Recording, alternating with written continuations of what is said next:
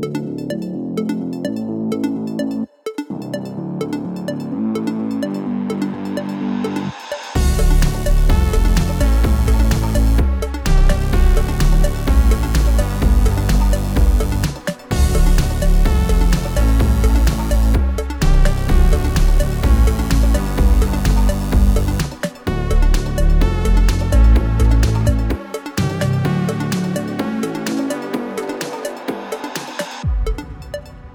Hej och hjärtligt välkomna till ännu ett avsnitt utav slashat.se, din machete i Teknikdjungeln med mig Jesper och min gode vän Tommy Podsemski. Hur står det till en iskall vintrig dag som denna Tommy? Alldeles utmärkt Jesper. Det känns så fint här borta hos mig.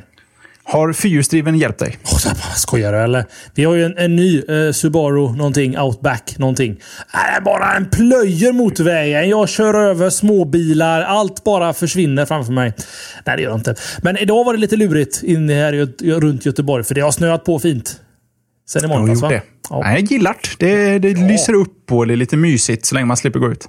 Alltså det fina med julen, är, eller vintern, är att det blir lite ljust och lite vitt. Eller ljust blir det inte, men det blir lite ljusare i alla fall av den vita snön. Så här ska det se ut på vintern. Liksom. Om man går runt och gnäller över att det slö, snöar i december, då är man i fel land till att börja med.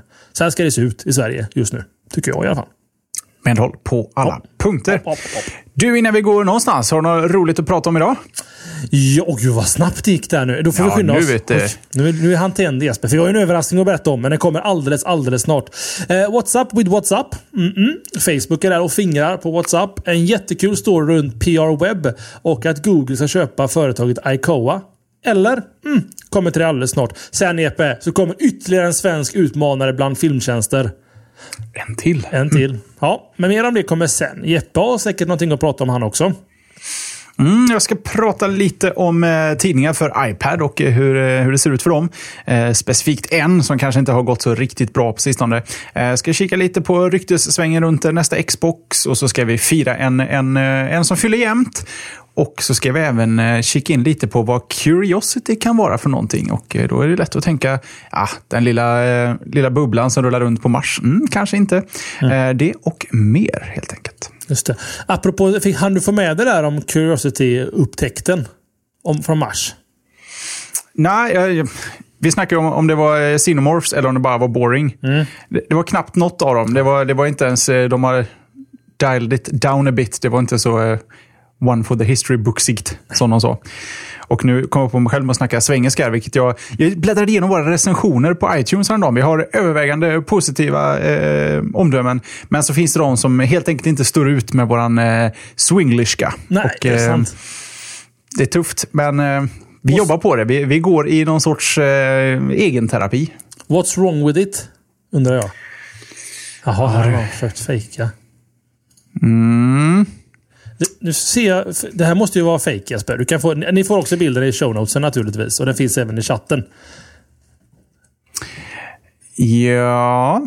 Ja, det, det, vi, vi, har, vi har fått skicka till oss en, en bild på en söt tjej faktiskt. Som sitter och tar ett bild är det en på tjej? sig själv. Ja, det är det nog. Jag hoppas Oj. det. Annars blir det pinsamt. Jesper! Sitt där och spela Allan. Ja, det var elakt av mig. Jag, jag blev osäker bara. Jättesöt. Man ser, ja, skitsamma. Jo, det är det ju. Ja. Ja, det är en tjej. Vi är överens om det. Och hon har en slashad... Nu fattar ingen någonting här. Nej, jag ska förklara. Och hon ja, har en slashad t-shirt på sig Jesper. Say what? Say what? Ja, det är nämligen så att det som vi har diskuterat i så många år. Vi har hållit på i typ tre och ett halvt år, Jeppe, va? Däromkring. Mm, ja, ja. Fan, det är snart fyra år. Ja. Och, då, och då, det är helt sjukt just i det. För att vi, det har ju alltid, sen, sen första avsnittet har det inte hänt, men i alla fall ganska tidigt i alla fall att folk sa Kan man köpa någon t-shirt? Nej, sa vi. Nej, nej, nej, nej. Vi vill inte göra t-shirts. Varför inte då? Vi, vi är mest bekväma.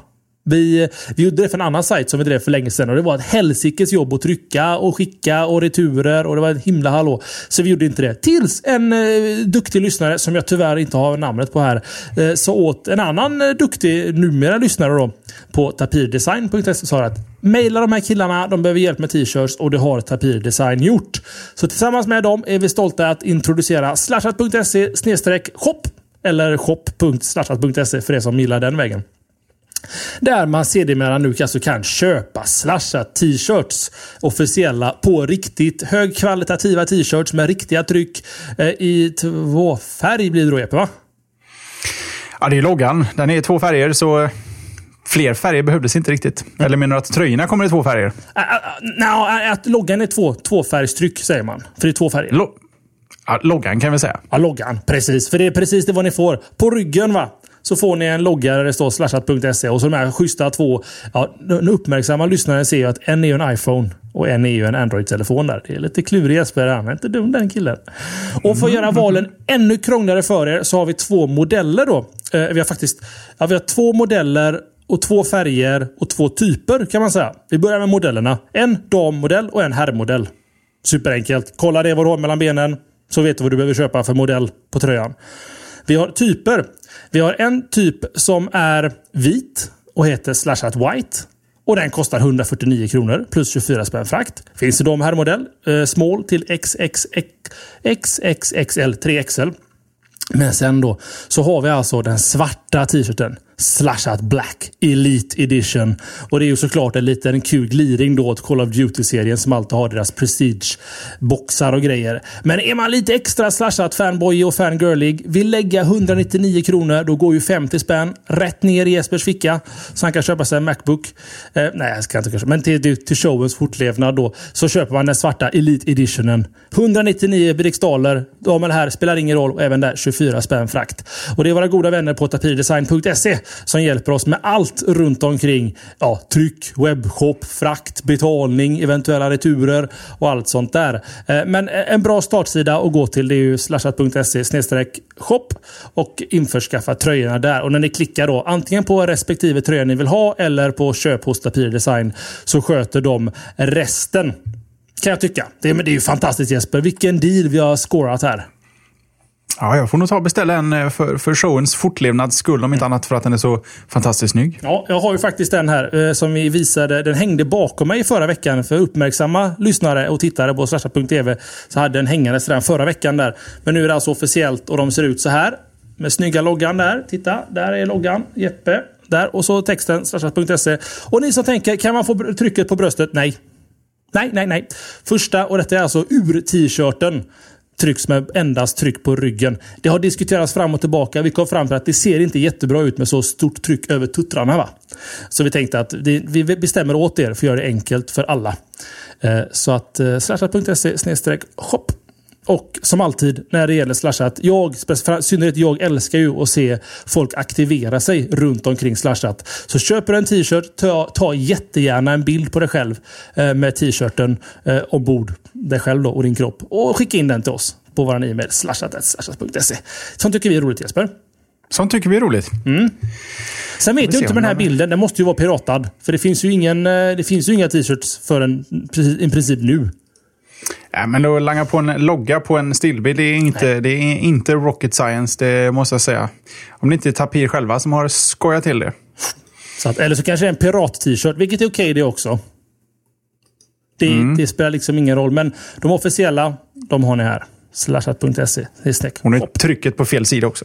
Ja, precis. Så att, eh, ja, så är det med det. Men kul! Och det var ju, ja, jag skrev ju överraskning med fnuttar va. För att det är ju ingen jätteöverraskning att ni får betala för att få en t-shirt. Men att det finns officiella t-shirts.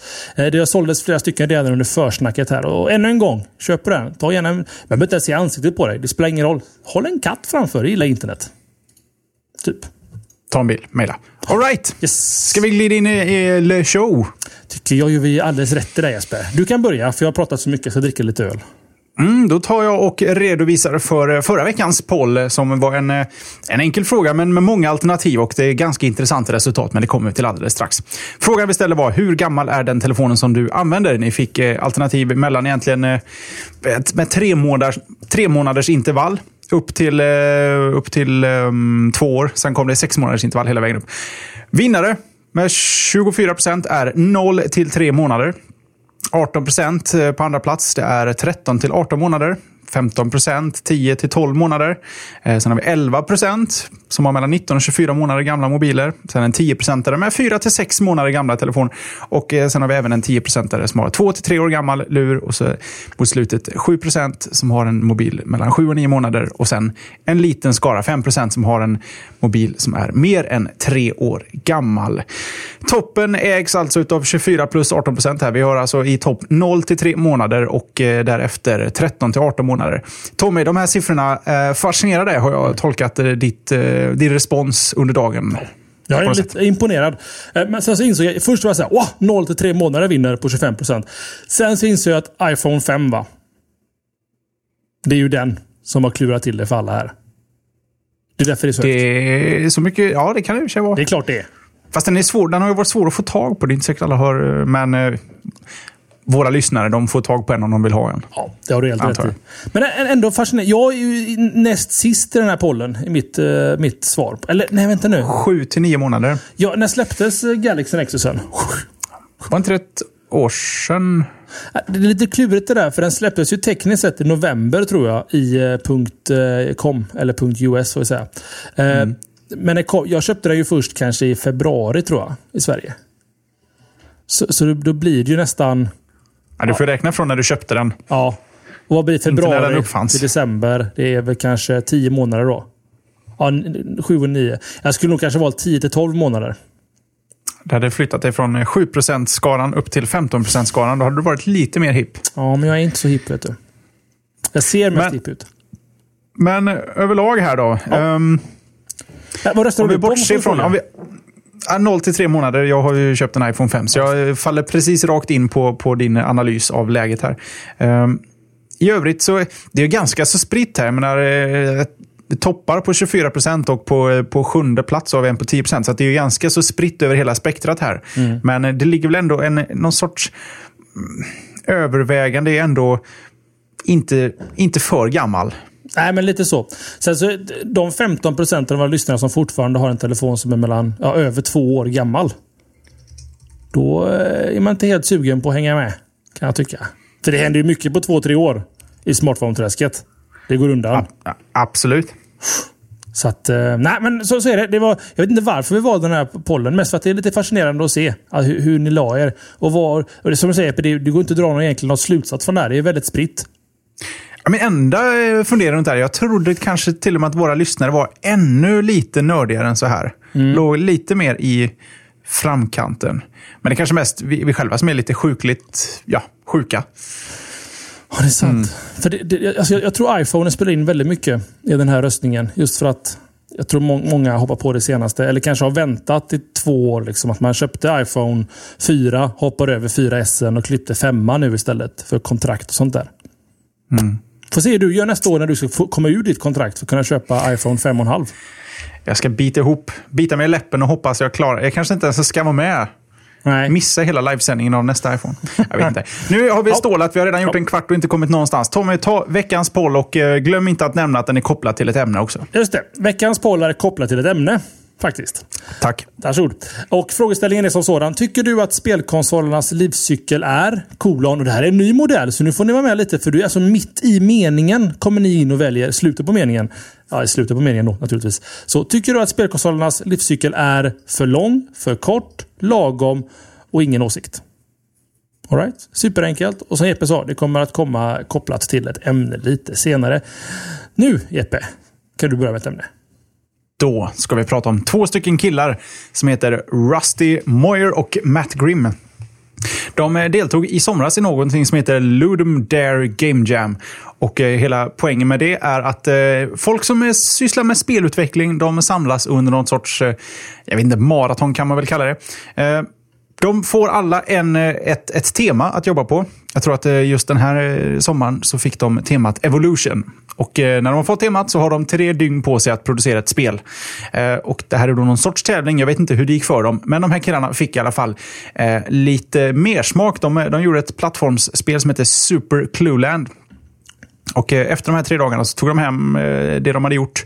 Eh, antingen glada över att ha vunnit eller ledsna för att de hade förlorat. Förtäljer inte historien. Men de fortsatte utveckla på det här spelet i någon månad till och sen ja, förbättrade hela spelupplevelsen. Och här fick de då en lite rolig idé. De eh, tog sig till Kickstarter och drog igång något som hette Retro Game Crunch. Ett projekt som går ut på att, ja, om de får funding, på att de kommer varje månad i sex månaders tid bygga en spelprototyp på tre dagar. Sen kommer alla backers till projektet att få eh, komma med förslag. Till och med de kommer få komma med förslag på spelidéer att lägga tre dagar på. Och De kommer få prova prototypen och de kommer få bestämma handling och eh, hur spelet ska bete sig helt enkelt. När alla backers, eller i alla fall majoriteten, har valt vilken prototyp de ska köra på så kör de en hel månad och eh, gör färdigt spelet och sen upprepar de det här. Så de kommer alltså producera sex spel på sex månader. Ehm, ett, ett per månad helt enkelt. Som är helt crowdfunded vad gäller handling och eh, spelmekanik och eh, egentligen hela biten. Eh, allting handlar om feedback, så egentligen de, de gör vad folk vill. Så eh, har man mycket bra idéer så, så kan man egentligen betala sig in i att eh, föreslå bra spelidéer. De ber om 60 000 dollar och eh, de har åtta dagar kvar på sin eh, Kickstarter, eh, sitt Kickstarter-projekt. Men de är bara uppe i 35 000 dollar. Ehm, åtta dagar det kan vara lång tid. Vi har sett andra projekt dra iväg ordentligt på slutet här. Men jag måste ändå säga att det är ett lite kul initiativ, även om jag kanske inte tror att det längre är... Det här hade nog varit bättre för say, fem år sedan. Idag är inte den här sortens spel lika unikt småspel, snabba spel med tanke på mobila plattformar och eh, liknande. Men jag tycker ändå att det ska premieras sådana här eh, roliga mm, projekt. Och eh, är man intresserad så ska man naturligtvis ta sig via länken i show notesen och chippa in om man vill påverka plattformsspel. Om, man inte, om inte annat för att man kanske är trött på, på dagens 3D-fierade och mastodontspel och vill ha lite enkel plattforms-shooter, whatever. Skulle de bara göra plattformsspel? Nej, men på, jag antar att på en månad så gör du inte så mycket annat än 2D åtminstone. Hmm. Alltså, jag, jag, jag funderar på så här. Alltså, de vill ha drygt en halv miljon kronor. För att göra sex stycken spel på sex månader. Alltså ett spel i månaden. Just så. Är det inte bättre att be om en halv miljon kronor och göra ett kick-ass-spel på sex månader? Va, Fast då blir det väl ett spel som konkurrerar med alla andra spel med att då ska det vara stort och eh, grandiost. Det, det, det, finns det inte ett utrymme för lite retrospel? Projektet heter ju ändå Retro Game Crunch. Så. Mm. Utifrån, det, utifrån det perspektivet såklart, då är det intressant det de håller på med. Men det enda jag kan känna är liksom att Angry Birds är ju inget avancerat spel och ändå konkurrerat, eller konkurrerat, conquered hela världen. Jag fick det svengelska också, ni som inte tycker om det på eh, app, eh, app Store, app, iTunes heter det. Eh, jag, vet, alltså jag är tråkig tror jag. Alltså, idén tror jag är roligare än, än slutprodukterna kommer att bli. Jag tror jag erövrat, tack Fusion. Jag är lite rädd för att det blir lite för, eh, för...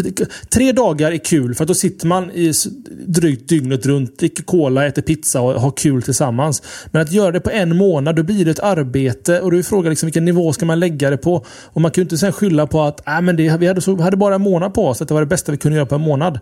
Det är samma som en kille på Reddit som bestämde sig för att göra 365 spel på 365 dagar. Han skulle alltså göra ett spel om dagen.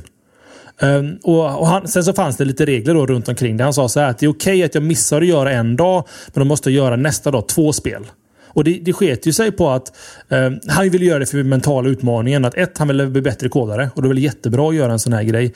Eh, och två, så ville... Så det, föll, det föll lite pladask på sig själv. Liksom, att det, det blir inte så bra på så kort tid. Och bra behöver inte vara superavancerad 3D. Vi pratar liksom Call of Duty-serien. Jag vet inte. Jag låter tråkig, va?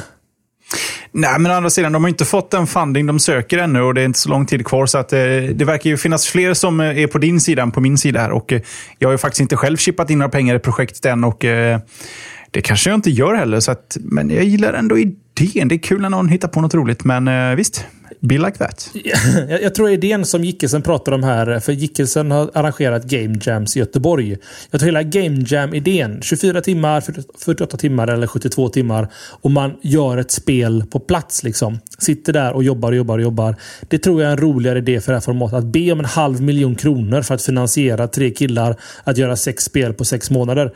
Det, det, det låter inte lika roligt förutom att vara de killarna som får en halv miljon och vet vad de ska göra ett halvår framöver och ha kul på tiden. Liksom. Man, kan ju man kan ju sponsra dem om man tycker de är duktiga på att göra spel. Men de verkar också vara lite... Är de kända, de här killarna? Ja, who knows? Då är de, brukar de inte vara kända. Nej, verkligen inte. För de crowdfundar ju upp det där nya Monkey Island-spelet. Eller uh, Monkey Island-skaparen. Ron Gilbert, eller vet han? De crowdsourcar ihop hur mycket, många miljoner som helst för att få göra ett nytt sånt här spel. Point and mm. click. Så att... Uh, Ja, men ja, skit i det. Ta oss, ja, ta oss vidare. Sorry för att börja på en tråkig tangent. Jag har en glad nyhet att börja med Jesper idag. Ja, det får vi se. nu ska det vara nego. Det kan det vara, för det har med Android att göra. Det har med Google Play att göra. Oh. fram tills idag faktiskt. Eller fram tills förra veckan. Gud, nu torkar han svetten med sin lilla... Var det HTC-telefonen? Ja, det var det faktiskt. Ehm, eh, I alla fall, fram tills, idag, fram tills förra veckan i alla fall så har det faktiskt varit möjligt att, eller det bara varit möjligt att skriva anonyma recensioner på Google Play. Eh, säg att du laddar ner vilken app som helst. Säg till exempel airlockapp.com. Vilken app som helst. Eller till exempel Nej, inte vilken som helst. Just airlockapp.com. till exempel. Laddar ni ner den. Um, och så tycker ni att ah, men den här var ju fantastisk. Då skriver du det. Den här var ju bra. Många gör inte det dock. Det brukar snarare vara så att om man har ett problem, då dundrar man direkt iväg till Google Play och skriver Klassiker. att... You, ja, och så massa, massa fula ord. Det var så att era mamma skulle behöva tvätta munnen med såpa när man är klar. För att man faller liksom under samma apgård som YouTube kan vara ibland. Där folk skriver utan alltså anonyma kommentarer. Och då blir det inte ärligt. Och Det här problemet har ju Google sett då. Liksom. Så vad de har gjort nu då är att de har kopplat ihop Google Play recensioner med Google+. Plus. Vill du posta en post eller en recension av ett spel så måste du ha Google Plus-konto. Det är ju Googles in då naturligtvis. Och ditt namn och din bild kommer att stå bredvid kommentaren. Eh, och även samma sak kommer att introduceras på Youtube. Och om det behövs på någonstans på internet så är det väl Youtube. För där går det haywire väldigt snabbt med kommentarer för filmer. Speciellt om det finns någon liten kontroversiell vinkel av en video. Då är det ett jäkla hallabaloo på den sajten.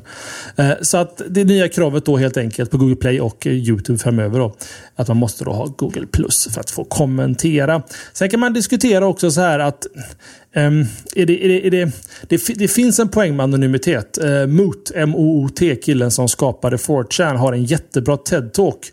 Där han pratar just om anonymitet och vikten av att ha ett, ett nick eller ett alias. Det kan vara väldigt viktigt i vissa sammanhang.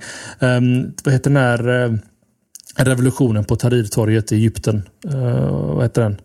Ja, revolutionen på uh, Tahrirtorget Tahir. i Egypten. Nej, men den hette väl typ uh, Arab Spring? Arab Spring heter den va?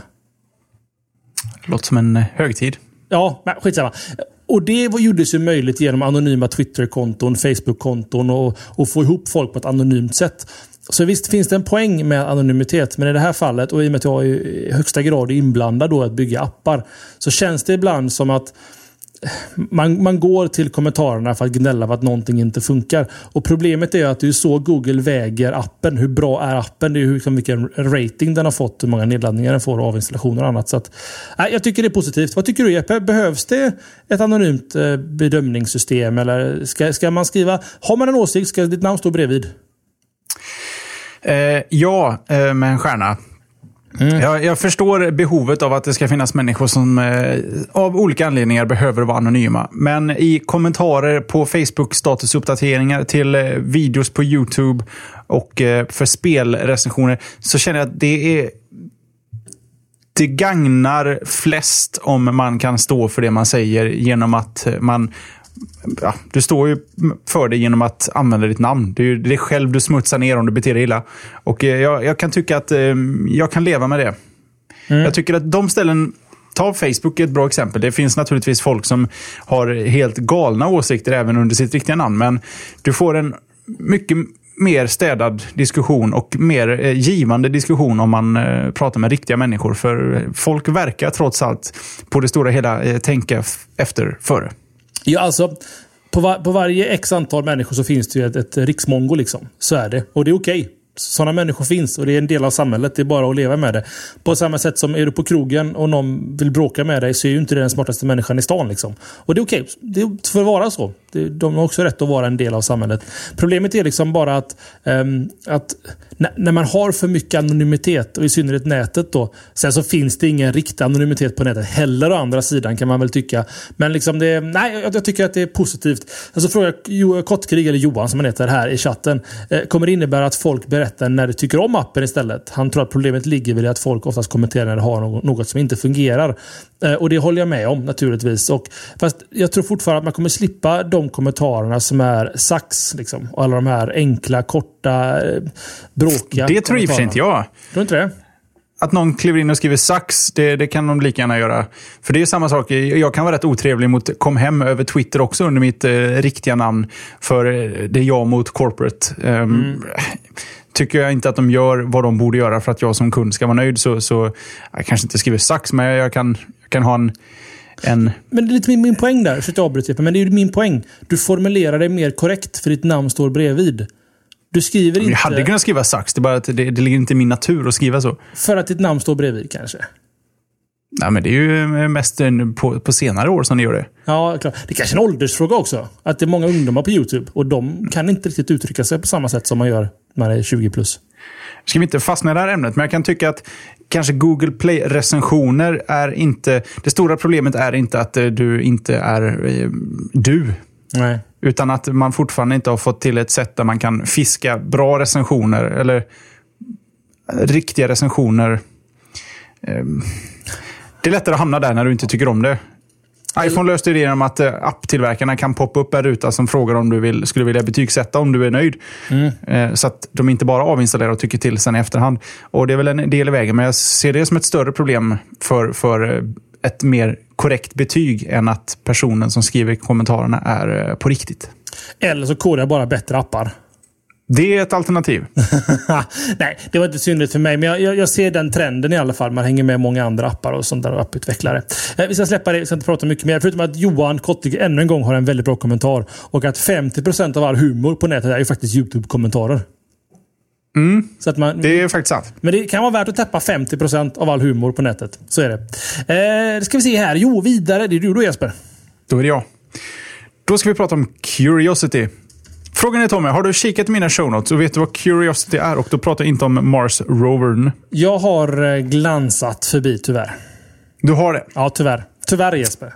Men ska jag gissa vilt vad det är Nej, jag ska inte göra. Kör du. Ja, det kanske dumt. Uh, jag tweetade ju faktiskt om det här också, så jag kan ha redan skjutit mig själv lite i foten här. Men det finns ett uh, spel inom citationstecken, jag har skrivit i mina show notes här, utav den numera legendariska Peter Molyneux, tror jag han heter det. Om det inte uttalas Molyneux, men det tror jag inte. Molyneux säger vi. kille, gammal gubbe 53. Eh, har jobbat på Bullfrog bland annat. Eh, han är, har varit inblandad i gamla klassiska spel som Populous, Syndicate, Theme Park, den gamla favoriten High Octane och eh, egentligen alla Fable-delar. Den här duden har släppt ett spel eh, under uh, sitt nya projekt. Nu har jag inte skrivit upp det här. Det heter 22, 22, 22 Cans. Och det här spelet, inom citationstecken, är inte riktigt ett spel utan det är ett socialt experiment som, eh, som eh, jag vet inte. Det är för det första världens eh, onödigaste tidsdödare. Vad går det ut på? Jo, du befinner dig i ett helt vitt rum med en kub. Den här kuben kan du zooma in på eh, ganska så långt ner och där finns massa, massa, massa små eh, fyrkantiga plattor. Hela kuben är eh, fylld med miljarder plattor. Alla spelar mot samma kub och du ska klicka på alla rutorna. När du klickar på en ruta försvinner den. Klickar du på nästa ruta så försvinner den. Och man ska helt enkelt klicka bort alla rutor för att komma till nästa lager. Och så fort alla plattor är borta på ett lager så börjar man på nästa lager. Varje lager, de flesta lager ska jag säga, har någon sorts bild som ska ge dig en hint om vad som finns i mitten utav den här kuben. Okay. De har inte sagt hur många lager det finns. Det finns en lång eh, Wikipedia-artikel om spelet där någon har försökt räkna ut hur många lager det finns.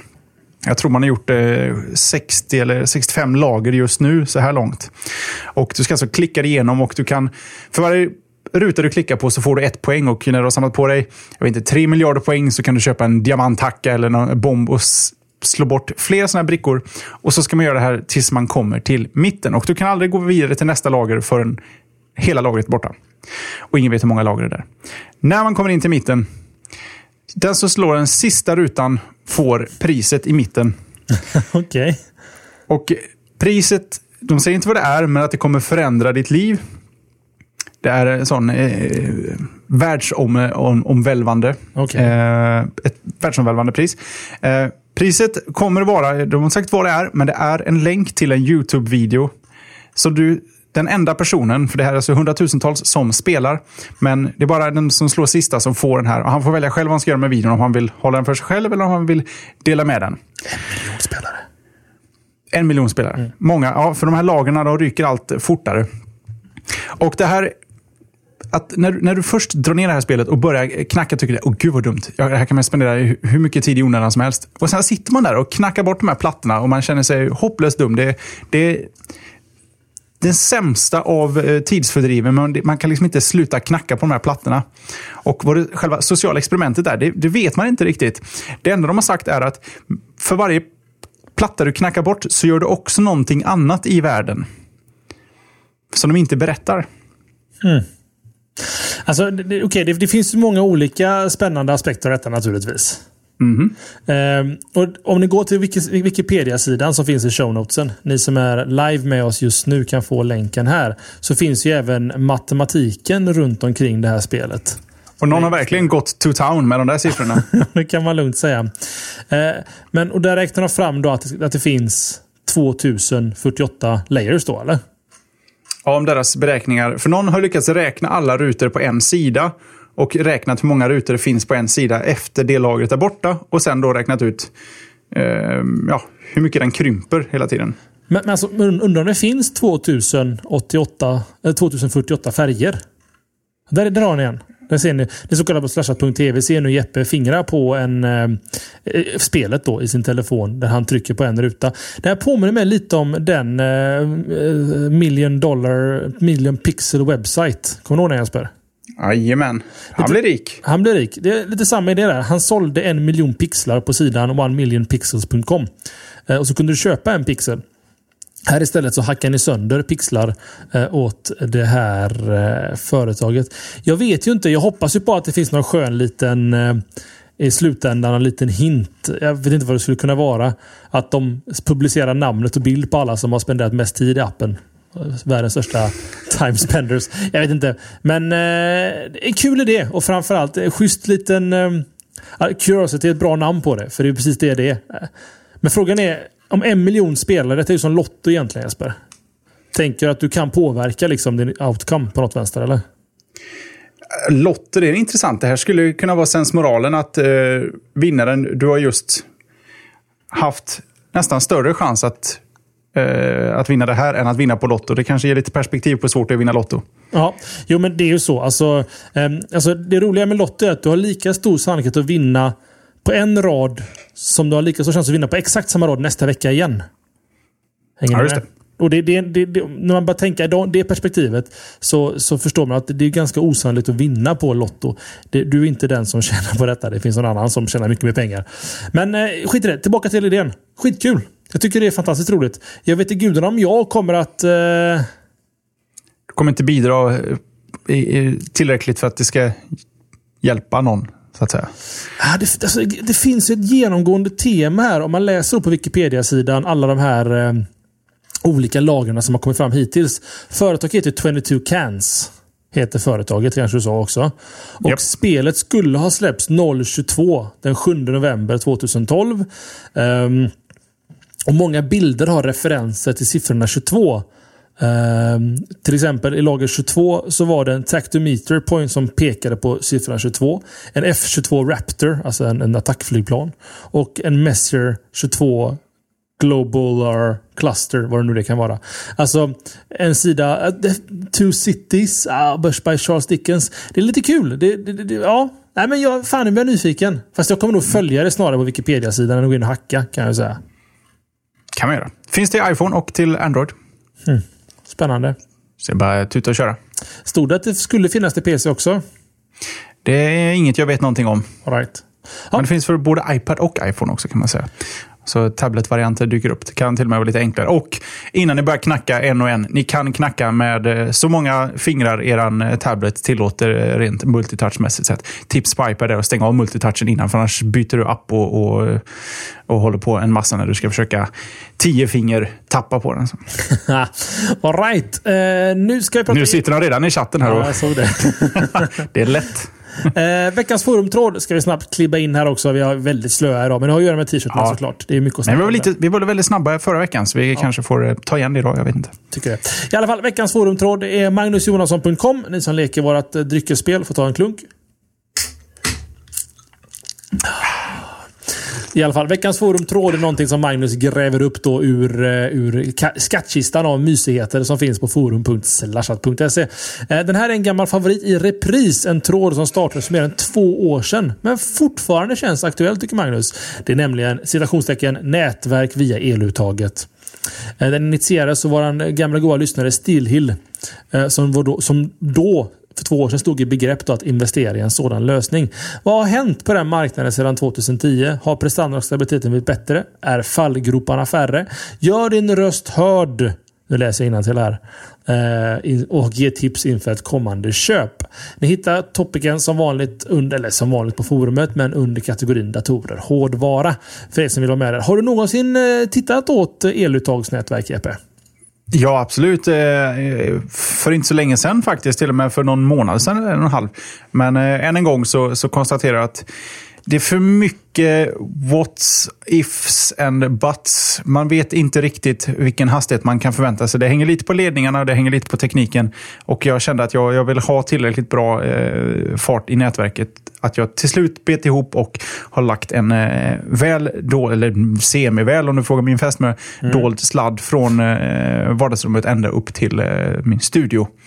För jag tyckte det var värt det. För att jag har sett lite skumma siffror och med tanke på att speciellt slashat-sändningar men även streama HD-video och sånt där. Jag vill inte... Det finns inget så irriterande som när inte nätverket hänger med. Det finns säkert saker som är mer irriterande, men inte när nätverket inte hänger med.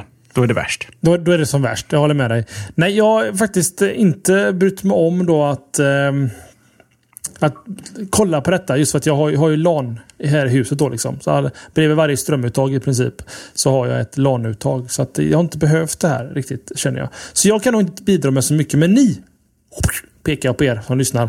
Eh, ni har ju chansen att vara med på detta. Forum.slashat.se In och hjälp Stilhill och alla andra användare på forumet att hitta en bra elnätverksuttagslösning. Svårt ord. Nu är det mitt ämne Jesper. Ja, Ja, eh, uppgifter från nätsajten, nätsajten Techcrunch som alla känner till. eh, Som inte hänvisar till några officiella källor. väldigt spekulativ den artikeln. Mycket säger eventuellt kanske att WhatsApp eventuellt kanske kommer bli uppköpta av Facebook. Eh, någon köpesumma anges inte heller i den här artikeln. Eh, vad det handlar om är ju såklart då att Facebook har en liknande app, Facebook Messenger, eh, som kan ner gratis. Men Facebook, som ni alla vet, de kämpar ju för att hitta lite olika intäkter från sina mobila användare. Kanske kan WhatsApp vara den inkomstkällan. WhatsApps prismodell idag är ju 7 spänn på iOS. Du betalar när du köper appen. När du laddar ner den så får du det gratis resten av ditt liv eller så länge WhatsApp finns tillgängligt. Android-användare har det lite sämre förspänt fast jag har aldrig betalt för appen. Jag har haft den snart två år. Men man laddar ner den gratis, sen betalar du 7 spänn per år istället. Fast av någon anledning så förlängs alltid mitt medlemskap och det har ingenting med mig att göra att jag är jag utan det gäller nog alla som jag känner som kör WhatsApp på Android. Men helt enkelt, man betalar ingenting där. Men tanken är 7 spänn per år, vilket det utan tvekan är värt naturligtvis.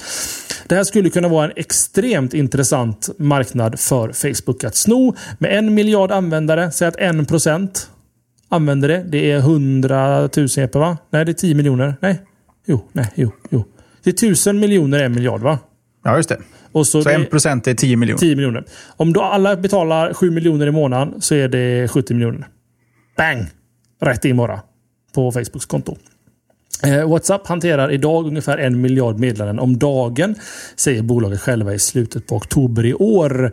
WhatsApp har också 100 miljoner dagliga användare. Så Jesper, tror du det kommer vara aktuellt för Facebook att plocka upp WhatsApp? Och vad tycker du i sådana fall om det? Uh, ja, det gör mig väl inget egentligen. Uh, känns väl som den stabilaste grunden att stå på. Uh, I'm all for it faktiskt. Eh, jag tror inte det är så... Jag har säkert eh, lagt bud på det där vid flera tillfällen. Eh, att, att det spekuleras lite i det nu. Det är väl bara att kind of make sense. Facebook har ju trots allt en instant messaging-app att ladda ner i mobilen. Men de vill kanske ta sig in på den här marknaden för de har ju redan användarbasen på plats. Mm. och Det är en tjänst som är...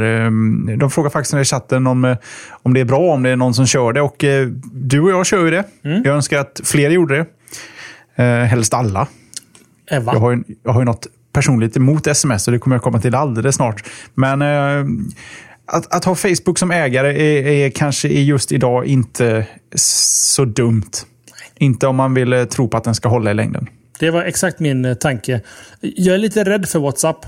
För att jag har gjort mig, mina, min familj och mina vänner väldigt beroende av den här tjänsten. Som jag egentligen inte har någon större koll på. Jag skiter i integritetsmässigt sett. Ja, ja, vill ni läsa vad jag skriver till min fästmö eller till Jesper så gör det. Det rör mig inte i ryggen. Det går säkert att wiretappa ändå, det jag skriver. Men jag är rädd för att de en dag vaknar upp och säger att ah, screw it, vi lägger ner. Och då kommer jag ha ett helvete att förklara för mamma och pappa och farmor och svärmor och allting. Liksom, att installera en ny app. Jag skulle nog nästan gilla att Facebook köper upp den här och eh, stabiliserar upp plattformen på något vänster. Den funkar i och för sig jättebra men förstår du vad jag tänker Jesper? Att en stor Absolut. spelare lägger sig bakom. Google är också en bra köpare. Eh, som, som inte behöver tjäna pengar på själva tjänsten som sådan utan vill ha det sitt ekosystem av tjänster som de tillhandahåller. Så jag är förhållandevis positiv. Om då är vi överens. Ja. Bra, vad skönt. Vad hade du emot sms nu då? Det här har vi gått igenom före slashat. Jag, eh, någon har ju räknat ut att kostnaden för ett sms, nu varierar ju den såklart. Kommer du ihåg tiden när det kostade 5 kronor att skicka ett sms? Och det var ren bargain. För MMS? Oh, det brann i plånboken. Mm. Så hittade man ett abonnemang. Då kunde man få sms för 2,90 styck. Och då tyckte man, oh shit, vad jag ska smsa här. Mm. Men eh, i alla fall, kostnaden för ett sms någon gång i historien har varit eh, rent datamässigt eh, likvärdig med att skicka ett eh, textmeddelande till månen. Just det. Eh, det är dyrt. Det är väldigt idag. dyrt. Sen så frågar... Men, ja, här kör du. Nej, du, verk, du fick upp ångan där. Ja, det handlar inte om, det handlar om någonting annat. Så har du med på sms-tråden där så är du välkommen att köra före mig. Absolut. Det är att sms fyller 20 år. Mm. Inte idag, men Nej. igår. För 1992, den 3 december, så eh, i England skickades det första smset. Eller ja, samma teknik, men inte från mobil till mobil, från dator till mobil. Det löd “Merry Christmas”. Sen tog det visserligen sex år till innan den här tekniken egentligen tog fart. Och det var väl inte förrän operatörerna i England, för det är därifrån allting härstammar, eh, la till sms som en tjänst där du skickar ett sms och det kostar en peng. En pay as you go-lösning helt enkelt. Eh, sex år senare alltså, då tog det fart ordentligt. Och eh, någon har plockat fram lite härlig statistik på det här och 1995, alltså lite innan det tog fart, så skickade alla världens mobiltelefonanvändare cirka 5 sms om året. De siffrorna har förändrats lite över tid. I dagsläget så skickas det cirka 7 biljoner sms om året. Det är alltså 200 000 sms i sekunden året runt. Och det är fördelat på cirka 4 miljarder eh, användare runt om på jorden som just använder sms. I år är faktiskt första året någonsin där sms-användandet däremot har sjunkit. Förra året så eh, pikade sms, eh, men nu dalar Och eh, det här ämnet kanske har haft lite före det egentligen. För att WhatsApp, sociala nätverk, IM och ja, alla möjliga sätt att kommunicera idag får väl anses vara anledningen till att sms backar. Men en golfapplåd till att det överlevde så länge och att det faktiskt fortfarande används. Jag gillar ju inte det, men jag är tvungen att använda det i den mån eh, jag inte kan kontakta folk på andra sätt. Men föredrar ju absolut helst WhatsApp eller iMessage. Och på tal om iMessage, har Android någon motsvarighet till det? Att Android till Android så tar den datavägen snarare än telefonvägen? Um, alltså, fördelen och problemet med Android är att du kan ladda ner vilken sms-hanteringsapp du vill. Så jag kan lova att det finns appar som gör det. Men default, Men inte default. inte som jag har noterat i alla fall. Det är lite synd. Eller gör alla sina egna sms-appar? Eller finns det en default med Android som alla tillverkarna bygger eh, sin egna lösning på?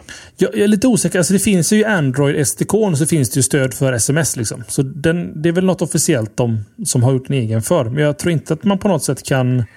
Eh, nej, utan jag får ju välja. Jag kan ju välja att varje gång jag trycker på sms-ikonen för dig Jesper, så använder den WhatsApp. Kan jag välja. Ja, okej. Att du ersätter sms-funktionen med WhatsApp. Absolut. Men eh, det är ju en sorts variant, men den kanske inte... Det är ju inte samma sak. Är det inte. Är det. Helst ska du inte veta att... eh, För gemene man så ska inte de behöva installera WhatsApp för att kunna skicka mellan Android till Android. Nej, alltså, men det finns ju fördelar med det också. Min morsa kör ju Android. Eh, Och eh, jag har ju sagt, sagt åt hennes Android-telefon att när hon trycker på sms till Tommy så ska den använda WhatsApp.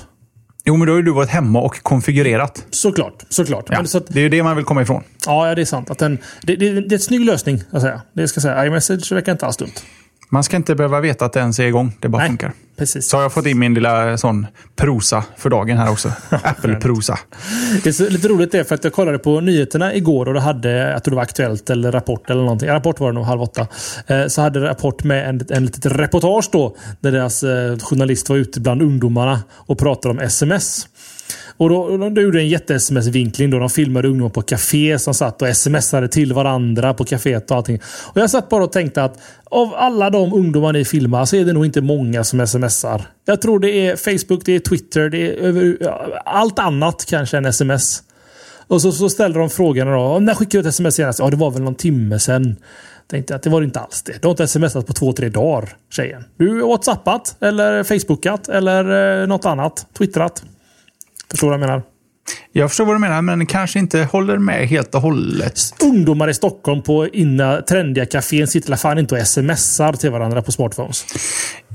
Jo, jag tror nog de gör det av den enkla anledningen att eh, Martin DJ84 i chatten säger det är bra här. It just works och med alla abonnemang idag som åtminstone ungdomar har så brukar det ingå en eh, så här löjligt hög summa av sms som inte kostar 4 någonting. 000 sms står det på Halebop. Nu den här månaden dubblar vi dina till 8000. Ja, äntligen. Jag som fick slut direkt i början på månaden. Ehm, det, det, det funkar. Det, ja, jag vet inte. Det är väl det som är just att sms har hängt med så länge. För det är oerhört primitivt kommunikationssätt. Mm. Och äh, häng inte uppe för mycket på WhatsApp-ämnet. Vi har alltså bytt ämne för er som missade den snygga övergången där. Jag pratar alltså att jag tror fler ungdomar idag, säger runt 17-18 som hänger på kafén, Facebookar till sina kompisar. Snarare än smsar till sina kompisar. Eller när man ser äh, mig själv inblandad sitta, sitta så här liksom nedsänkt i mobilen på ett café. Så sitter jag inte och smsar någon som reportaget ville äh, få... Att man skulle tro att de går på sms-caféer. Utan man sitter och kollar Twitter och Facebook. Man gör någonting annat än att smsar. Jag ser en intressant pollfråga komma upp här. Om man snabbt behöver få iväg ett meddelande till en polare, då kolon och så våra nya s- svarsalternativsvariantlösning som dagens poll. Mm, jag är med dig. Yes, yes, yes.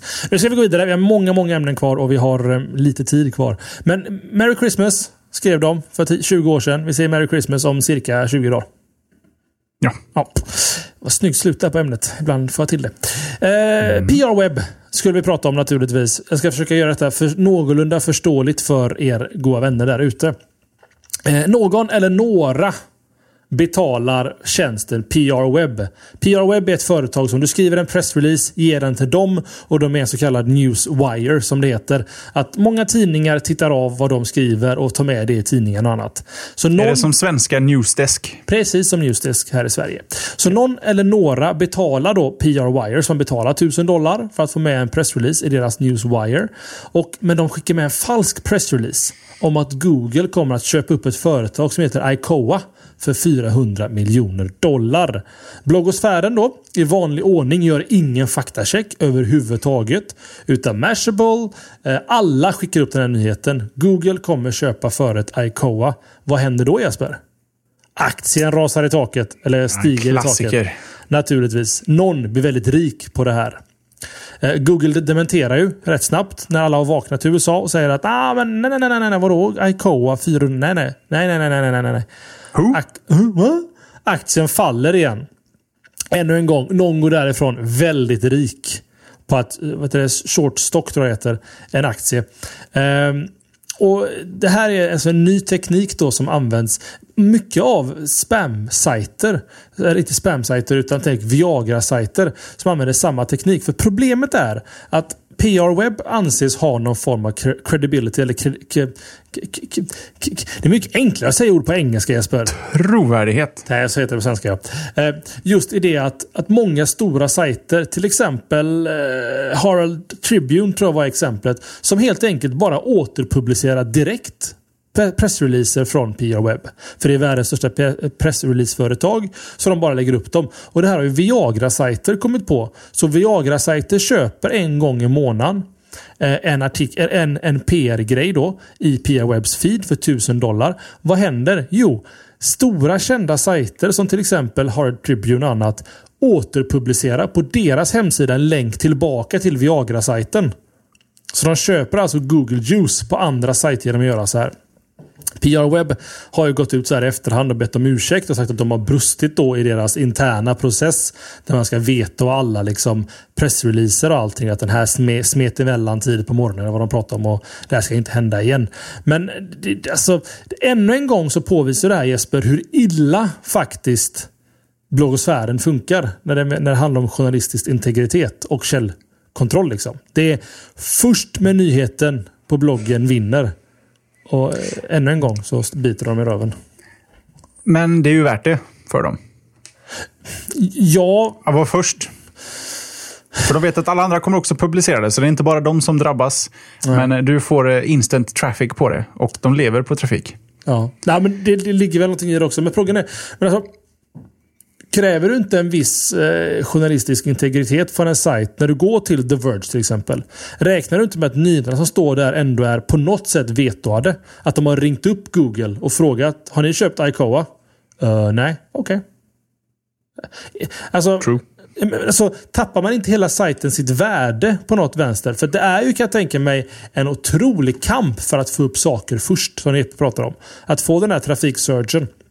Jag kan svara på min egen fråga. Jag tror tyvärr inte folk bryr sig. Att folk liksom, ah, ja ja, de skrev om det och det var fejk. Ja ja, då är det borta liksom. Men det finns ett mycket djupare problem med det här med eh, bloggande nyhetssajter. Eh, över saker verkligen som händer. Sen, så många gånger så är de mycket, mycket snabbare än traditionell media för att de kanske inte gör samma kontroller och det, man får nyheten snabbare. Så det finns ju två sidor av det här myntet. Men Ja, mm. nu vet ni i alla fall vad som händer med PR-webb. Och Google ska inte köpa Icoa. Och någon blir väldigt rik på en aktie. Vet ni det? Ja. Det är så eh, jorden går till. Världen går till. Just det. Du, ska vi se här. Jo, vi ska prata om att uh, The Daily läggs ner. Det är ju faktiskt uh, så att uh, i februari 2011 så lanserades den här nya tidningen The Daily med buller och bång av News Corp. Den promades som världens första tidning endast för tablets. Vilket i början av 2011 egentligen betyder endast för iPad. Men det har ju gått lite si och så med det där, för att nu är det över den 15 december i år så lägger The Daily ner. Mm. Ehm, den här tidningen den marknadsfördes ganska så hårt eh, från början och till och med Apple var nog med. De släpptes väl upp på scen under någon keynote och fick prata lite om den här. Men de har inte lyckats eh, plocka in tillräckligt med prenumeranter för att det här ska gå, och, gå runt helt enkelt.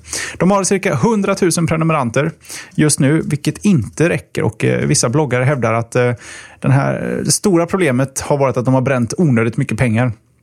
The Daily har själva meddelat att eh, det kostar ungefär 500 000 dollar i veckan att driva den här tidningen. Vilket då anses vara lite onödigt mycket pengar. Och för att det ska gå runt så har de behövt eh, femdubbla prenumerationerna till en halv miljon prenumeranter. Eh, John Gruber på Daring Fireball han har också tyckt till lite i frågan och även många andra bloggar om vad som var själva The Dailys problem. Och Det är väl egentligen två stycken olika anledningar som, som dominerar eh, felcharten för vad som har gått snett här.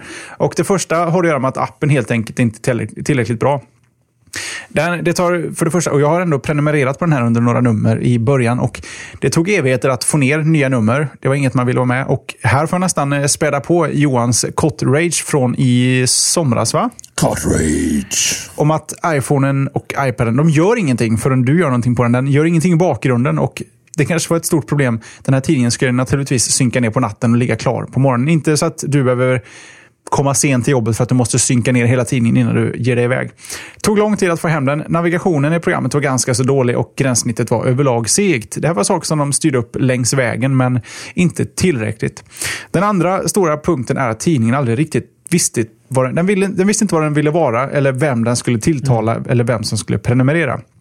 För det här var en ganska så spretig tidning. Det var allting från, från eh, dumheter alla Aftonbladet ända upp till eh, riktigt, riktigt schysst redaktionellt material. Den hade liksom ingen definierad målgrupp, vilket gör det lite svårt att proma den i någon särskild riktning.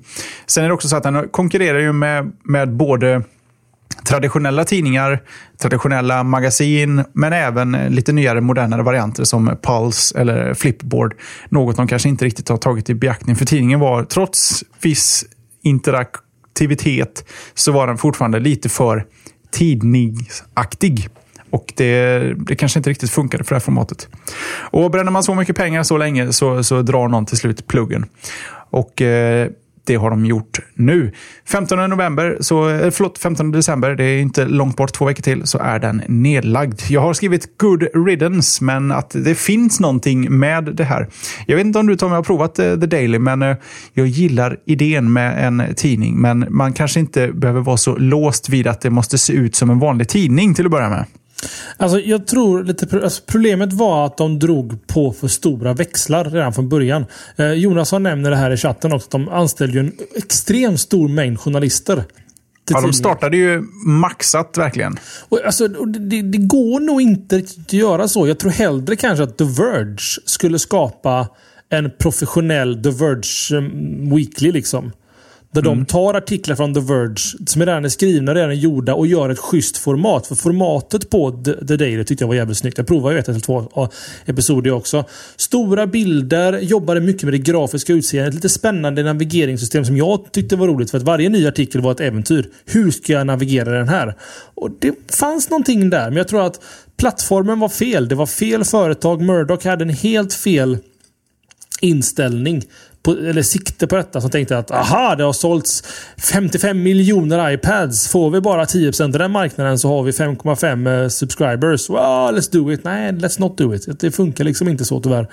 Uh, jag tror snarare The Verge skulle satsa på en sån här grej. Det hade kunnat funka. För du hade väl betalat 15 spänn i månaden för en The Verge magasin va? Absolut, för de har contenten. Precis. Men, och jag tror att de har... Jag kan inte säga hur appen ska se ut, men jag tror de har talangen att ta reda på hur appen ska se ut utan att det måste se ut som en fake papperstidning på skärmen. Absolut. Mm, bra, då är vi överens. Alla, alla, ja. alla glada, alla nöjda. Yes. Då ska vi se. Mitt fjärde ämne då är faktiskt att Chrome nu är den största webbläsaren i .se. Det är Statscounter som har släppt månatliga webbläsarstatistik. Och den här månaden passerar alltså Googles webbläsare Chrome Microsofts webbläsare IE. Och är därmed den största webbläsaren som visar mest webbsidor i .se. Enligt Statscounter. Så uppgiften är ju inte hundra va. Men det är väl förhållandevis väl eh, visat över en demografi i Sverige i alla fall. Intressant nog så har IE varit den största webbläsaren i Sverige sedan 1998 och gick då om den numera skrotade Netscape Navigator. Papegojmärke för alla er som minns Netscape Navigator som lyssnade på showen. Ni som inte minns det är lika coola ändå fast inga papegojmärken för er den här veckan. Eh, det var en fin webbläsare. Jag gillar den. Den var lite klankig att starta minns jag. Det tog sin lilla tid. Men man kunde skriva about colon Mozilla i den Jesper. Alltså det kunde man, det kommer jag inte ens ihåg. Så fick vi den här svarta, eh, röda bakgrunden så står det att the day of the Mozilla och så fanns det något roligt meddelande där. Jag hade ett, ett väl utvecklat IE-hat redan då faktiskt. Jag är inte lika, lika hatisk idag mot IE som jag var då. Ja, men IE har ju blivit bättre. Det ska, det ska jag inte sticka under stolen med. De, de är ju på rätt faktiskt. väg. Jag menar, 10 är ju kompetent faktiskt. Inte jättebra, men alldeles kompetent för att surfa nätet med. 9 är också helt duglig. Men det, alltså den, den stora, det största svarta fåret är ju IE6 och framförallt IE7. Åttan är inte heller helt crap, men kompatibiliteten. De gjorde ju fel Microsoft. De, de lekte så här vanliga, slog sig på bröstet och bara vi är Microsoft, vi gör internet som vi vill. Det här med Active Objects eller vad fan det heter. Det lägger vi in, det kommer alla älska. Nej, det finns ju standard av en anledning liksom. Följ dem! Som alla andra gör, så kommer allting bli skitbra. De som jag tycker riktigt synd om det är Firefox. Faktiskt, de är inte ens med i mina, min statistik här. Men statistik då. Chrome står, och nu pratar vi bara .se, Sverige alltså. Chrome visar, jag ska inte säga .se, det handlar inte om bara .se-domäner nu, utan alltså det handlar om svenska användare enligt StatCounter och vilken webbläsare de använder. Så glöm att jag sa .se, det har ingenting med saken att göra. Chrome i alla fall, 33%. IE 32%. Firefox 22%. Safari från eh, Apple på 12% och norska Opera och andra webbläsare dumpar man ihop i 1% då. Eh, intressant kan, kan också nämna här i sammanhanget då att Chrome gick om i redan i slutet av maj 2012. Så att det är, men nu i alla fall i Sverige då. Så en eh, Safari, ja, säger man. Nej, Safari heter det. Men jag säger Safari. Eh, glada nyheter för er webbutvecklare som sitter med CSS dagen ända och stångar er blodiga mot en vägg. Nu är det, nu är, nu är, eh, vad ska man säga, Remedyt nära. Så är det. Ja, Jeppe har ingen kommentar. Han bara sitter och ler. Jag bara ler. Nej, jag håller med. Chrome, bäst. Grymt. Fett. Fett som fan. Det tog mig ett år. Jag var ju såklart Google fanboy som jag skulle ha kastat mig över Chrome och var superintresserad och prova och prova och prova. Men så insåg jag att eh, det fanns inget pluginstöd. Nu fanns det för två, tre år sedan tillbaka och då är jag nöjd. Jag minns att jag var redigt sur över att tabbarna var i överkant på Chrome. Mm. Jag har vant mig vid det, men jag vet fortfarande inte om jag tycker att det är den mest Jo, jag tycker nog om den jag tänker efter. Jag har nog vant mig vid det. Du vill ha dem till höger va? Change is painful. Ja, just det. Jag vill ha tabbar på sidan. Men det är så jävla dumt svårt att skriva text. Vet du. Vi läser ju vänster till höger. Vi läser Varför är det... Ehm, jo, det är väl det också. Men, ja, men... Eh, hur menar du? Ja, alltså, att, alltså texten skulle i sådana fall stå så. Alltså, Nej, nu har du ju missförstått. Det är ju inte så jag menar. Tabbarna ska ju fortfarande åt rätt håll, men jag har ju mer screen real estate på bredden än på höjden kan jag tjäna lite höjd på att flytta tabbarna så de ligger liksom som en lista bredvid. Mm. Så hade jag nog föredragit det. Mm. Och Det fanns något plugin för det där till Firefox en gång i tiden. Men eh, not so much anymore. Mm. Men jag har vant mig att de finns där uppe. Det, Ta nu det sista ämnet Jesper. Vi måste skynda. Nu är det två minuter, tre minuter över ah, nio. Shit alltså. Ja. Eh, Xbox. Mm. Det är ju faktiskt eh, så att eh, vi har snackat om Xbox-rykten ganska länge. Att eh, ny Xbox kommer i år eller nästa år. Och Det har vi sagt ja, egentligen sedan slashat började. För att Xboxen har ju hunnit bli gammal, kan man säga. Det har ju hängt med sedan 2005. Det är snart åtta år sedan. Och nu då kommer det lite nya rykten och det är egentligen folk som påstår sig känna till ja, familiar with ja, de som jobbar med det på insidan av Microsoft i alla fall. Men nu påstår de att for reals, nu kommer det en ny Xbox nästa år, lagom till Thanksgiving, lagom till Black Friday och eh, hela julshoppingen nästa år. Eh, den här nya generationen, som vi då får kalla Next Gen, som har börjat med Wii U, då, då är Nintendo först ut. Jag tror att Xbox var först ut förra gången. Eh, och Rykten säger också att det kommer att komma en Playstation under nästa år. Eh, de försöker ändå mjölka de här konsolerna bäst möjligt och eh, enligt Black Friday-statistik här under eh, förra veckan så, så går det fortfarande rätt så bra för just 360. Men det är faktiskt så att konsolmarknaden har dalat rätt så kraftigt de senaste åren så att jag tror att alla de håller på de utvecklas som fasen för att marknaden har helt enkelt tröttnat på, på det. Det har börjat bli lite för gammalt helt enkelt. Mm. Sen får vi se om Wii U är rätt lösning för Nintendo. Men det här tyckte jag låg bra i anslutning till den här redan i förhand valda eh, tråden. Det är ju faktiskt nu närmare åtta år sedan Xboxen kom eh, och därmed hade vi då frågeställningen huruvida ni tycker att eh, spelkonsolernas livscykel är antingen för lång, för kort, lagom eller ingen åsikt. Och jag har inte många åsikter, men jag har en åsikt. Och eh, och då är det dags för Slashat Drinking Game. Jag får inte prata om det nu, men nästa vecka då ska jag prata om det. Skål! Eh, ja, alltså, vi, vi, sparar det här till nästa veckas poll, va? För jag har också lite åsikter om detta, men jag känner att... Vi ska ju inte prata om det förrän nästa veckas poll. Plus att jag, vi har overshootat dagens schema genom att prata t-shirtar, så nu kanske vill bara dra en snabb copy-paste eh, Radio Edition. Men jag har, ju, jag har ju två ämnen till Jesper. Så jag vill gärna har du två ämnen kvar? Ja, jag vet inte vad Hur är det möjligt? Hur har det gått till? Tommy, ja. rent, rent it off. Black Ops 2. Oh! Interesting. Please tell me more. ja, precis. Nej, det första var ju den här svenska utmanaren bland filmtjänster, Atflix, eh, som i ett pressmeddelande under veckan sa att de kommer lansera tjänsten i Sverige i december. Och den bygger på tre olika modeller, den här nya filmtjänsten.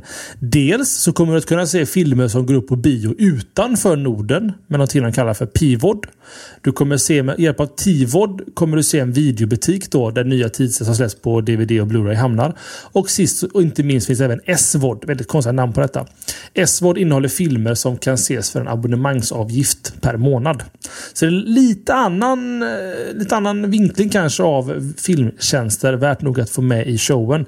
Kort och koncist. Speciellt det där Pivot, att kunna se film som går upp på bio utanför Norden tidigare. Men jag har också lärt mig det att det där var ett problem för 2, 3, 5, 6, 7 år sedan. Att det tog ett halvår för en film att komma till Sverige. The Hobbit släpps väl den 12 december globalt, Jeppe? Va? Ja, det är väl det här i dagarna, ja. Så att jag menar, det är inget lika stort problem. I alla fall AttFlick heter den tjänsten om ni är nyfikna på att googla upp på det. Och så nu kommer ett ämne. Du får inte läsa mina show notes. Nej, jag läser Nej. inte dina show notes. Black Ops 2, som ni vet, spelar jag mycket. Level 44 är som en chef med 063 i KD. Nu skrattar ni som kan, men jag är väldigt dålig på FPS. Men jag tycker det är kul att spela i alla fall. Um, Activision, man, man trodde att det här skulle bli årets gaming-release och slå box office-succéer här och var. Ja, ja och nej. Activision har ju inte avslöjat exakt hur många exemplar av Black Ops 2 som har sålts. Men de avslöjar hur mycket pengar spelet drog in under sina, sina första 24 timmar. 500 miljoner dollar! Drygt 3,3 miljarder svenska kronor drog Black Ops 2 in runt om hela världen under de första 24 timmarna. Förra årets Call of Duty-spel som ni alla vet heter Modern Warfare 3 mäktade med 400 miljoner dollar och 6,5 miljoner sålda spel på 24 timmar. Men då ska man ha i åtanke att när vi pratar Modern Warfare 3 så pratar vi bara Nordamerika och England. Så inte hela världen. Så det var ju väldigt mäktig release då såklart av Modern Warfare 3. Nu Jesper! Nej, en sak till. Eurogamer bekräftar också att Black Ops 2 är det fjärde största spelsläppet genom tiderna i England. Eh, trea Black Ops 1, tvåa Modern Warfare 2 och etta Modern Warfare Nej, vänd på tvåa Modern Warfare 3 och etta Modern Warfare 2. Nu Jeppe, utan att fuska och kolla då. Mm. Gissa hur många procent köpte PC-versionen av Black Ops 2 under de första 24 timmarna. FPS. Och då är, PC. För då är det PC 360 och Playstation 3 då. Men hur många procent köpte PC-versionen av Black Ops 2 under de första 24 timmarna? Um, Okej, nu måste vi tänka så här. Du är förvånad över siffrorna och du är en PC-spelare. Alltså är det lägre än du någonsin hade kunnat tänka dig. Eller högre. X eller ja, det är i och för sig sant, men ja, det, det, det låter på det som att PC-sales är inte... Jag tror att Xbox-sales är rätt så fel. Uh, Chatte gissar på 73%, 80% och 15% hittills. På PC? Mm. Jag säger 10. Mm. Du är inte så farligt långt ifrån. 2%. Oh, nischprodukt. Fucking Nisch. hell! 2%! Kan man lika gärna skaffa Mac? Men det är ju helt craziness. 2% av alla sålda kopior av Black Ops 2 under de första 24 timmarna var på PC. 60% 360. 38% Playstation 3. Hmm. 60% 360. 2% FPS på PCn. Jag, jag, förstår inte. Jag var i chocktillstånd. Jag har, jag har en teori redan. Är man PC-gamer så är man lit. Då, då, är man, då går man in för spel. Då har man för, förhandsbokat det här. Och när man förhandsbokar spel så får man det aldrig i tid. Det kommer alltid ett par dagar sent. Det är de här Xbox-nördarna, och det säger jag för att jag också är en. Det är vi som står och köar samma dag som det kommer och går och hämtar spelet samma dag i butik. Men PC-gamern som trodde att han skulle få det tidigt för att han beställde det tidigt får det senare på posten. Mm. Så sen, han är inte med. Gickelsen drar upp en viktig punkt här som jag...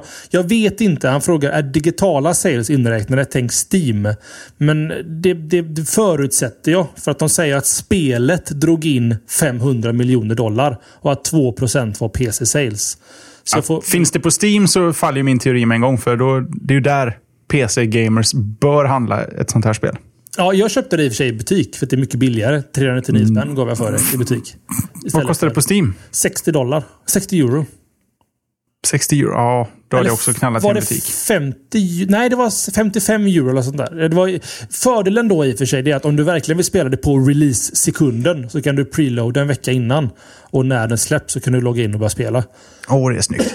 Ja, det, det, så, så ska det ju vara. Men ännu en gång, alltså jag är chockad där. Men, Kotkrig skriver så här, är det fler pirater på PC-plattformen? Nej!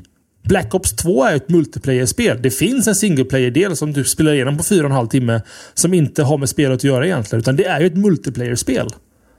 Så att jag, jag, jag är chockad. Eh, rent sagt chockad. 2% PC för ett FPS-spel. Jag får inte ihop det. Men det är väl den nya generationen om man säger så. Som, som gamer på konsol. Svårare än så är det ju inte. Jag spelar ju faktiskt bara i mobil eller på konsol. Då är du ett, en del av problemet.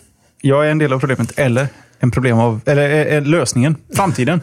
Biomechanic skriver här i chatten att ah, han vill ju spela sina FPS på PC. Detta båda ju inte gott. Och vi kommer alltså man märker ju också i Black Ops 2 att det är utvecklat för 360. Och sen har portats till PC i princip. För att det är ju inte speciellt snyggt. Det är ju inte byggt för PC-grafik. Det är ju ingen Crisis 3 vi pratar här. Så att... Um, ja, skitsamma. Nu måste vi snabbt nämna... Var vi nöjda så Jesper? En liten chocker mot slutet. Jag bara var tvungen att kolla torrentstatistiken på det här spelet. Eh, på en, en känd torrentsajt nära dig så har någon plockat, eh, eller 11 000 pers plockat Black Ops 2. Eh, och det är inte ens den stora kända. Okay. Så att det, det, finns ju en marknad för folk som vill spela um, single, single player. player eller ens, ja, eventuellt försöka multiplayer på en piratad. Jag vet inte. Det går ju inte, för du måste ju autentisera det via Steam. Det hindrar ingen som att alltså, försöka. Du kommer inte ens åt LAN-mode tror jag utan ett Steam-konto och autentisera dig med nyckel mot Steam. Så att, men visst, det finns alltid folk som är smartare än mig som kan lösa det där ändå med lite fejkade nycklar och grejer. Skit i dem! De gör fel. De betalar inte för sina saker. Vad, Tja. Tja, men vad man kan betala för EP? Är det en tröja? Ja, det är en tröja. Eller en t-shirt som det heter. Det är nämligen Där man väljer priset själv. Ja, det är faktiskt sant. Ni väljer priset på våra t-shirtar. För det finns nämligen två modeller. Jag ska jättesnabbt ta det här igen. Och faktiskt... Ja, för Edion... vi fick mycket utrymme i början också. Så att... ja. Edion nämner här i chatten att han köpte ju under pågående show och understryker att processen var så enkel den bara kunde bli på tapirdesign.se. Eh, men gå till slashat.se shop eller shop.slashat.se så får ni se hur tröjorna ser ut ut och det är lite mer våra ord och runt omkring. Men beställningen det gör ni på Tapir Design för det är nämligen våra vänner eh, och eh, bröder och systrar som trycker tröjan och skeppar den till er och tar emot eventuella returer om det skulle vara något problem med tröjan. Um, finns det dem, finns det herrmodell, finns en vit och en svart. Den vita kostar 149 plus 24 spänn frakt och den svarta som vi kallar för Elite Edition kostar 199 där, eh, om det är 40 eller 50 spänn. Ja, eh, eh, ett överskott i alla fall går till showen. Och så ska vi nämna också att den vita tröjan tjänar vi inte en krona på när ni köper. Det gör ingenting. Vi vill inte tjäna pengar på er. Vi vill att ni ska få schyssta t-shirts. Så att vi bestämde att den är självkostnadspris. Och när vi skriver självkostnad så menar vi verkligen det. Utpriset från dem är 149. Vi har inte lagt på en krona på den här t-shirten. Men, men Elite Edition, den svarta, tänkte vi kan vara kul att göra de här svarta och skoja lite med Call of Duty-konceptet där med den svarta lådan och allting. Eh, vill ni ha den svarta så får ni lägga en, en, en femtiolapp extra och då går de ner i våran ficka. Så kan man säga. Eh, de finns i small till XXXL, alltså 3XL. Eh, och eh, skeppas ögonaböj. Men de trycker dem on demand, så att ni vet det. Så räkna inte med day after delivery, utan det blir väl... Eh, ge det några, några dagar, eller kanske upp till en vecka. Jag är lite osäker på hur lång tid det tar för dem att skicka, men de görs på beställning då, kan man säga. Och så de här, som sagt det också. Och de priserna är likadana som herrpriserna. Och herrpriserna kostar lika mycket som de priserna. Det är samma sak, kan man säga. Mm. Och är det så att man inte alls är intresserad av en t-shirt utan bara vill överösa oss pengar så går det alltid att göra det via slashat.se donera där man kan donera allt från inget till allt. Eh, det gör man själv som man vill. Antingen en engångsbelopp eller som en liten eh, sån månadsslant som trillar in. Eh, vi finns ju inte bara på tisdagar. Vi finns ju även resten av veckan. Lite otippat, men man hittar länkar till där vi rör oss rent digitalt på slashat.se social. Där har vi länkar till Twitter, Facebook, Ja, det är väl Twitter och Facebook. Ja, bloggar naturligtvis. Och eh, jag vet inte Tommy, har du lagt till en länk till din Tommy Talks eh, or name to be determined på våran slashat.se social? Nej, jag har inte gjort det. Det är mitt nya initiativ här att jag filmar mig själv när jag kör bilen till jobbet och pratar teknik randomly. Det har inte blivit... Hur var det nu? Du filmade dig själv när du lyssnade på podcast på vägen till jobbet? Nej, det var, eller vad ett, det var ett fortsättningsförslag här. För att jag, jag tappar ju bort podcast-tid att lyssna på podcast med att jag filmar mig själv. Men ett, alltså, eh, det har inte varit nu för att det har varit jäkligt mycket snö ute på vägarna. Så jag känner att jag borde nog koncentrera mig på körningen lite mer. Inte för att man inte koncentrerar sig när man filmar sig själv samtidigt. Men jag kände att ah, nej, det har varit liksom moddigt och jäkligt på vägarna. Så jag har väntat en vecka, eller en dag eller två. Kommer så det är inte så när du kör torrt att du bara slår på farthållaren, sätter en pinne i hjulet och sen bara Hej, välkomna så myser upp i baksätet liksom med, med, med glögg och tekniknyheter. Det hade varit askul om man kunde fejka det. Att, att man liksom typ någon spegel så ser ut som jag sitter på andra sidan och så går jag bak och sätter mig och tar en liten öl när jag, bilen kör. Jag vet inte, kanske någon gång. Nu har jag förstört den idén i sådana fall. Skit, klockan är 16 minuter över 9. Det är den 4 december 2012. Dags att sova nu va? Jag tycker att vi har gjort vårt för idag. Vill du säga hej då kanske? Mm. Jag kan säga då. Jag kan säga att vi tack för den här veckan. Detta var avsnitt 194. Vi knapp, knappar sakta in på den stora 200. Eh, ni vet, ni som sitter och tänker, kommer det bli? Kommer det bli? Ja, det kommer en årsshow även i år. Det kan vi säga redan nu Jesper. Kan vi säga redan nu. Julen är räddad. Ni kommer få en årsshow. Sen hur den läggs upp, det vet vi inte än. Ni känner oss till oss. Vi har inga planeringar. Liksom. Vi jobbar inte så. Utan någonting blir det. Vi får se hur det blir då i, i alla fall. Men jag kan nästan lova att på något sätt så kommer Johan och Magnus vara med. Det kan jag lova. Det vågar jag också lova. Men det är slut för vecka 149 av slashat.se. Vi tackar och bockar och bugar och syns lagom till nästa tisdag. Ha det gott! Ha det bra! Hej hej!